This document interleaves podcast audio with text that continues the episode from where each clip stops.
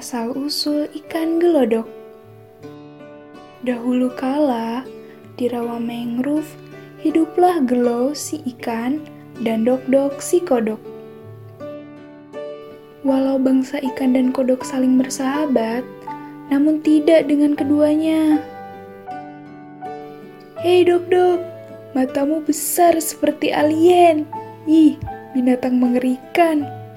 Ejek gelo ke dok-dok. Apalagi kamu? Kamu binatang bermata gepeng yang sangat menjijikan. Ih, Dok-dok tak mau kalah. Perseteruan Gelo dan Dok-dok membuat bangsa ikan dan bangsa kodok bermusuhan.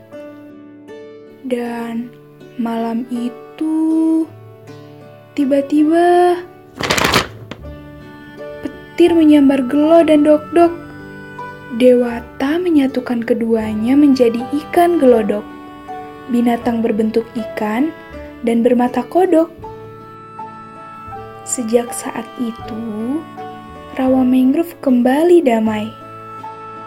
Nah, teman-teman mangcil semua, kita harus baik dengan semua orang ya. Dan ingat, jangan suka bermusuhan dengan teman. Damai itu indah loh.